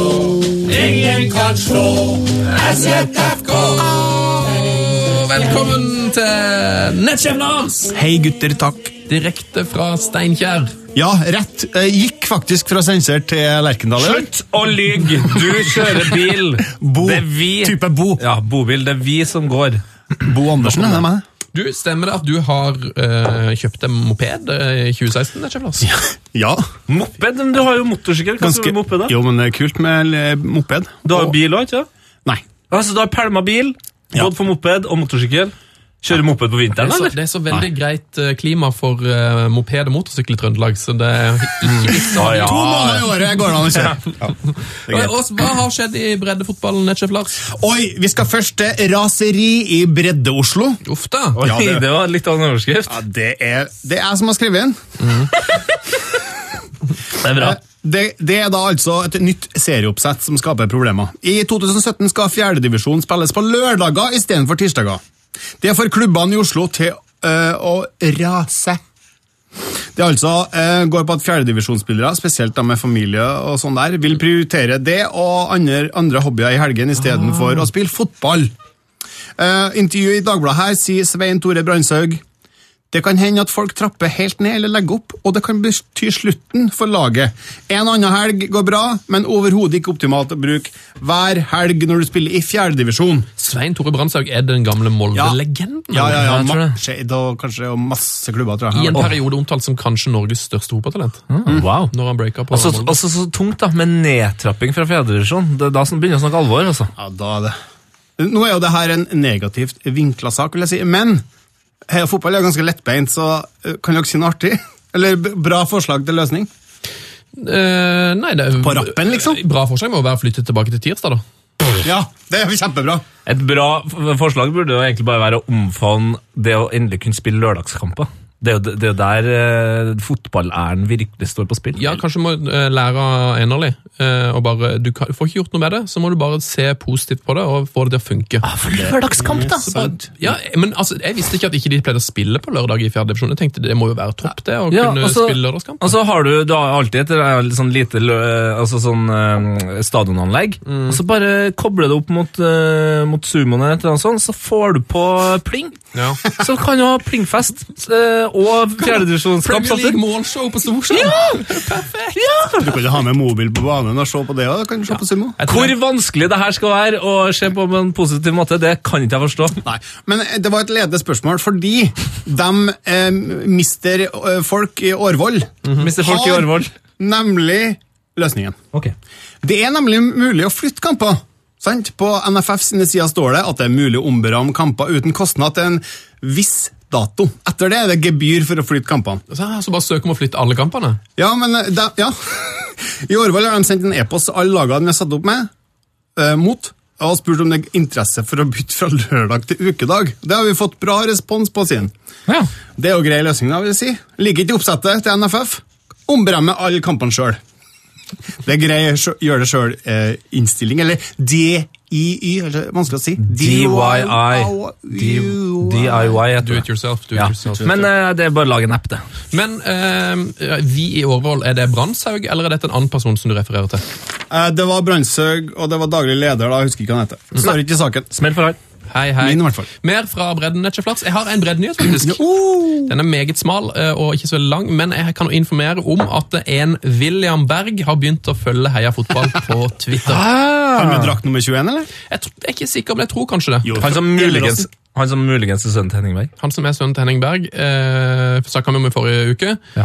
Ha, nå er det en som heter William Berg som har begynt å følge oss på Twitter. Det kan være det er sønnen til Henning Berg, og i så fall er jeg nå meget lykkelig. Var ikke noe GIF-fotball jeg så? Det er jo Gjelleråsen IF. Jeg husker ikke, eller Ni leste ikke biografien. Og biografien kan jo være oppspinn. Det kan jo være en som faker at den er William Berg. Du vet jo aldri. Nei. Men det var min breddenyhet. Hva har du eh, mer å melde? Jeg har fått en eh, melding fra Alexander Aasrum. Å, jeg trodde det var Alexander Aas! Alexander Aasrum. Ok, Ikke Lund, for da, jeg trodde det var Alexander Søderlund først. Men det er ikke at Alexander Aas har tatt en Captain Morgan og nå begynt med rom? Alexander Aas Rum. Yes, det er akkurat den saken det dreier seg om. Så bra. Hei, og takk for et ø, flott program, sin. Vær så god. Jeg har gleden av å spille på det som vi selv er, mener er Oslos flotteste breddefotballklubb, OSI. Osi. Eller Oslo-studentenes idrettsklubb. Det må ikke forveksles med Uzi. Ja, for det er et våpen, vel? Ja, det er det. Uzi. Eh, mer bestemt eh, tredjelaget til herrene, altså OSI, eller Uzi da, herrer C. Eh, vi liker å titulere oss med laget som har flest studiepoeng. Studiepeng! Studiep Nei, nå Studiepoeng. Nå må dere slutte. Espen Johnsen-laget, rett og slett. Jeg tror ikke det er langt fra sannheten. Men jeg står ikke hvor mange studiepoeng de har, da, og det savner jeg litt. Men bruker de det ofte som unnskyldning når de har eller, få eh, ligapoeng? Ja, ikke sant? Tar det igjen på Studiepoeng. Men dere i OSI, tell gjerne opp hvor mange poeng dere har. Send oss en eh, detaljert mail til heiafotballkrøllalfa.nrk.no, så vil vi gjerne vite hvilke, hvilke mastergrad er det Vekttall og sånt, Ja, ja, ja, hvilke fag er det dere har. Veldig gøy. Veldig gøy. Ok, Han skal fortelle oss en historie, da. Oh, ja. Kort historie her. Det var bare introen. Vi er i nå. God intro! Poenget med denne mailen er i hovedsak å sette litt fokus på det som må være tides mest effektive måljeger i noen divisjon i Norge. Noen gang. I vår siste seriekamp i 2016, borte mot Nesodden 3, som for øvrig endte med en kalasseier 13-1, Dette er så deilig svart. kom det som det som trolig peker seg ut som en prestasjon i verdensklasse. I første omgang klarer vår spillende trener med null spilte minutter, tre touch på ballen og skårer tre mål! Hvordan er dette mulig, tenker dere kanskje? Vel, i de lavere divisjoner, der bredden på spilleren er nesten matcher breddefotballen de spiller, er det lov å bytte ut og inn og inn og ut igjen, og så videre. Marius Tryland Nygaard som han heter, bytta seg sjøl inn tre ganger på 45 minutter og tatt straffespark. Alle sikkert i mål før han bytta seg ut igjen. For et triks. Det er, må det her være en form for rekord, spør han? Det er iallfall en form for eh, sånn kicker som man har i NFL. Det er Du det, ja. kun kommer inn og setter poeng. Men blir det null minutt? Det må jo få registrert, det må bli ett minimum. Ja, altså det tar, jo, det tar jo fort et minutt å gjennomføre ett bytt og ta straffen, så jeg vil jo tro at han i hvert fall har spilt tre minutter kanskje til sammen. Enig, enig, enig. Ok, det var det. Håper på at 2000 bringer oss mange høydepunkt på breddefotball og rumensk tredjedivisjon, ønsker han seg. Oi! Ja, Det er eh, lenge siden vi har hørt noe fra de nedre divisjonene i Romania. Det skal vi, bør vi prøve å oppdatere ja, og jeg må bare skyte inn eh, Jeg er jo, jeg er jo opptatt i norsk eh, breddefotball, men jeg er jo mest opptatt av Segunda Leish i Portugal. Og min favorittspiller, som jeg snakka en del om I tidlig i høst, eh, nemlig eh, spissen eh. Kukula. Ah, Kukula. Kukula. Jeg tror det Han- var Rødt Coutinho. Den damen. Ja, Kukula har skåra sju mål nå. Nei, så gøy. Sju mål. Så gøy. Mange røde, da. Nei, det er på en side som ikke viser røde kort. Jeg tror han kanskje har, jeg tror faktisk de bare slutta med røde kort i Segunda Det er for mye. Det ble for mange. Var det alt vi nå rakk fra breddefotballen? Ja, siste en gladsak fra oh, ja. engelsk breddefotball! Du, et bilde her som eh, de la ut på Twitter, fra 17 United Ja, sin hjemmegarderobe. Husker du den? Ja. For en historie. For en, for en bra tid for klubben og fansen nå. Ja. Slår ut Leeds United i cupen, trekker Arsenal på hjemmebane. Ja. Og her er da bildet av eh, Garderoben. garderoben. Her skal Øzil Sanchez og co. prepare for the match. Det er altså, det bildet viser et ekstremt klassisk rødt garderobegulv. Eh, tung teglstein. Jeg, jeg sier tolv kvadrat. Det er et nydelig bilde, altså. Det er herlig. Og Det det, er et kvadratisk rom og ser veldig, veldig fengsels... Ja, det er en skikkelig old school garderobe. Og det er her er nivå seks eller sju i England. ja, ikke? fem eller seks, tror jeg. Helt utrolig.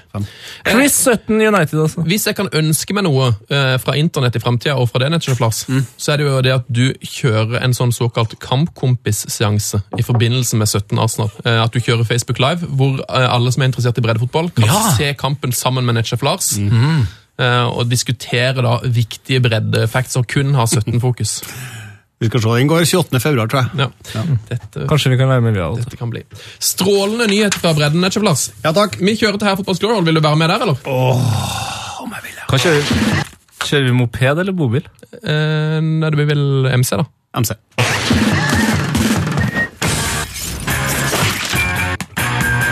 Heia fotballs glory hall. Oh, yes! Velkommen til Fotballskolen. En plass langt der oppe i stjernene, forbi den første melkeveien, den andre melkeveien. Der er det utrolig grønt gress, og de aller nydeligste fotballspillerne som trives i fest og godt lag med blant annet Dagfinn Endelig. Ja, Dagfinn Edeli ble uh, hylla i episode 66, tror jeg. Tre episoder for tidlig. Eh, Det er mange Åh. Det er mange helter i vår eh, Glory Hall. Eh, er Battistuta der? Battistuta er der. Er det Nilsson der? Det Nilsson er der òg. Eller er han kanskje ikke det? Antonio Conte, da? Nei, det er jeg usikker på. Eh, kan jeg bare kjapt skyte hvem som ble innlemma i 69? Ja. Altså i episode 69? ja. Det var Laszlo Kubala Kubala! fra Ungarn. Det er klart for en uh, ny hyllest, og nok en gang har vi fått et strålende bidrag fra en lytter. Ukens Glory Hall er innsendt fra Joakim Haugnes. Heia fotball, Joakim! Joakim har brukt e-postene vet du, og sendt inn til heiafotballkrøllalfa.nrk.no. Og han skriver jeg synes det er en skandale at ikke vedkommende fotballspiller er innlemmet i Heia fotballskolen. Så da måtte jeg nesten prøve å gjøre noe med det selv, for det er knapt noen i verden som fortjener det mer.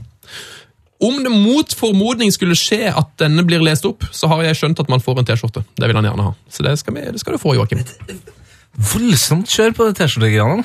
Det er det er merarbeid for meg. Men jeg liker at Joakim han har ikke noe tro på at det her blir lest opp for meg, men ikke det er godt nok. Men det tror jeg vi skal motbevise nå. Det er en eh, veldig, veldig fin eh, tekst. Jeg har lent meg tilbake. Du har lent deg tilbake, denne Chef Lasso. Man blir glad i fotballspillere av veldig forskjellige årsaker, skriver Joakim. Noen er gode, noen er klubblegender og har, og har vist en lojalitet til klubben, og sånn sett fått en helt spesiell plass i hjertet til mange fans. Så har vi noen, da, som blir kulthelter. Elsket av fansen. Mer på tross av sine fotballferdigheter enn på grunn av dem. Rett og slett fordi de er fantastiske personligheter. Dagens helt startet sin internasjonale karriere i Arsenal. Vi skal tilbake til 2002, da han ble signert av, eh, fra Asek Mimosas. Deilig navn. Eh, det tok ikke lang tid før han ble plassert i midtforsvaret sammen med sign-on-fee-legenden Soul Campbell. Sammen dannet de det som ble regnet som et av de beste stopperparene i Premier League. Han var instrumentell i 2003-2004-sesongen som endte med seriegull. En sesong uten nederlag. To sesonger senere, da Campbell hadde dratt videre til en ny sign-on-fee, dannet vår helt stopperpar med Philip Senderos, og mot alle odds skulle disse to være med å holde nullen i ti kamper på rad. I Arsenals eh, vei mot første og hittil siste Champions League-finale. Han skåret i semifinalen mot Villarreal, et mål som var med å sikre finaleplassen. Det er litt av en type, det her, altså. Etter syv år i Arsenal gikk veien videre til Manchester City, etter noen år der gikk turen videre til Liverpool. Og der, i Liverpool, det var der han skulle bli en helt for så veldig, veldig mange. Han spilte ikke fast, men havnet litt lenger bak i køen av midtstoppere. Blant annet bak Mamadou Sako, som var mannen som sendte pasningen som gjorde at Steven Gerrard skled vekk fra seriegullet. Hadde det vært vår mann som hadde spilt? Man kan jo bare drømme. Valentine's Day i 2016 fikk alle Liverpool-fans en valentinsgave fra vår helt, da vi så ham skåre sitt eneste mål i Liverpool-drakt. Og det første Premier League-målet på over fem år. Alle spillerne og hele bortesvingen på Villa Park jublet som om han ble matchvinner. Det at han skåret det sjette målet til Liverpool mot et historisk ræva Aston Villa, gjorde ingen forskjell. Hele fanskaren ropte på å gi ham ny kontrakt. Men det at han har vært en fantastisk fotballspiller, er ikke grunnen til at jeg elsker Kolo Abib Touré. Det er fordi han er en helt vidunderlig mann. Han stå, at han står bak verdens beste tweet noensinne, og ikke minst denne bilselgerhistorien. Hvem andre Altså, ja. Han utga seg jo for å være en uh, Bilselger? en bilselger. Ja, ja, ja. ja. Eh, Legg til de fem månedene han fikk i suspensjon fordi han hadde stjålet slankepillene til kona, så skjønner man at dette er en mann man må elske. Eh, Så til slutt, da. Ehm, Det beste allikevel med Colo Touré var da Liverpool var på preseason-turné i Australia. Da spillerne ble fotografert sammen med noen lokale dyr, nektet Colo å klappe en koala. Det gikk ikke upåaktet hen blant journalistene, noe Colo ble spurt om på pressekonferansen etterpå. Jeg har ikke noe spesielt mot koalaer, sa Colo. Det er alle dyr. Jeg har hatt en hund i mitt hus i syv år, men aldri tatt på ham en gang. Jeg vil for alltid elske Colo Touré for fotballspilleren, men først og fremst for personligheten hans. Velkommen inn i Heia fotballs glory hall, du vidunderlige mann. Men eh, den, jeg er mest opptatt av hva som var hans beste altså, Eller sånn, hva som var verdens beste tweet eh, noen gang. Er det den der Relaxing at home. 'Relaxing at home', ja? Yes, den tok jeg, den var jeg faktisk inne og kikka på i stad. Har- 16 000 retweets! Yes, Gå gjerne inn på Twitter og finn Colo Touré og gi en liten retweet til hans legendariske Relaxing at Home-tweet. Det ville glede, det ville glede alle. Du, kan vi, kan vi, å, kan vi kjøre en poll på, på Twitteren vår? Beste Eh, ja, for jeg har, jeg har en tweet som jeg mener er Jeg, jeg klarer ikke sjøl å bestemme meg for hvem som er best. Og det er Wanyama sin spagetti-tweet. Så kan vi bare finne ut det. Du, det, vi legger, Jeg tror vi gjør det på Facebook. Det er lettere med pols Ja, okay. vi ok. ut alle bildene sånn. Ja. Åh, nydelig! Følg oss gjerne på Facebook hvis du vil være med og kåre verdens beste fotballtweet. Kolo eller Wanyama. Eh, hører du dette på DAB eh, på radio, så må du gjerne abonnere på podkasten vår. Vi heter Heia fotball, du finner oss i iTunes. Ja, og vi høres eh, straks, for det er ikke så lenge til lørdag. Klokka tolv på Da P3. er vi på radioen. Ja, da er vi på radioen. Eh, og der kommer òg nettsjef Lars. Ja da. Det blir konge. Ok. God helg! Koala! Koala, koala! Koala, koala! Koala, koala, Tore! Frank de Boer speelt de bal. Heel goed naar Dennis Bergkamp. Dennis Bergkamp. Dennis Bergkamp neemt de bal aan. Dennis Bergkamp. Dennis Bergkamp. Dennis Bergkamp. Dennis Bergkamp. Dennis Bergkamp. Oh! Frank de Boer speelt de bal de bal erin. We spelen nog officieel 20 seconden. Dennis Bergkamp. P3s Heia fotball. Ny episode hver fredag. Last ned din nye favorittpodkast på p3.no podkast. P3.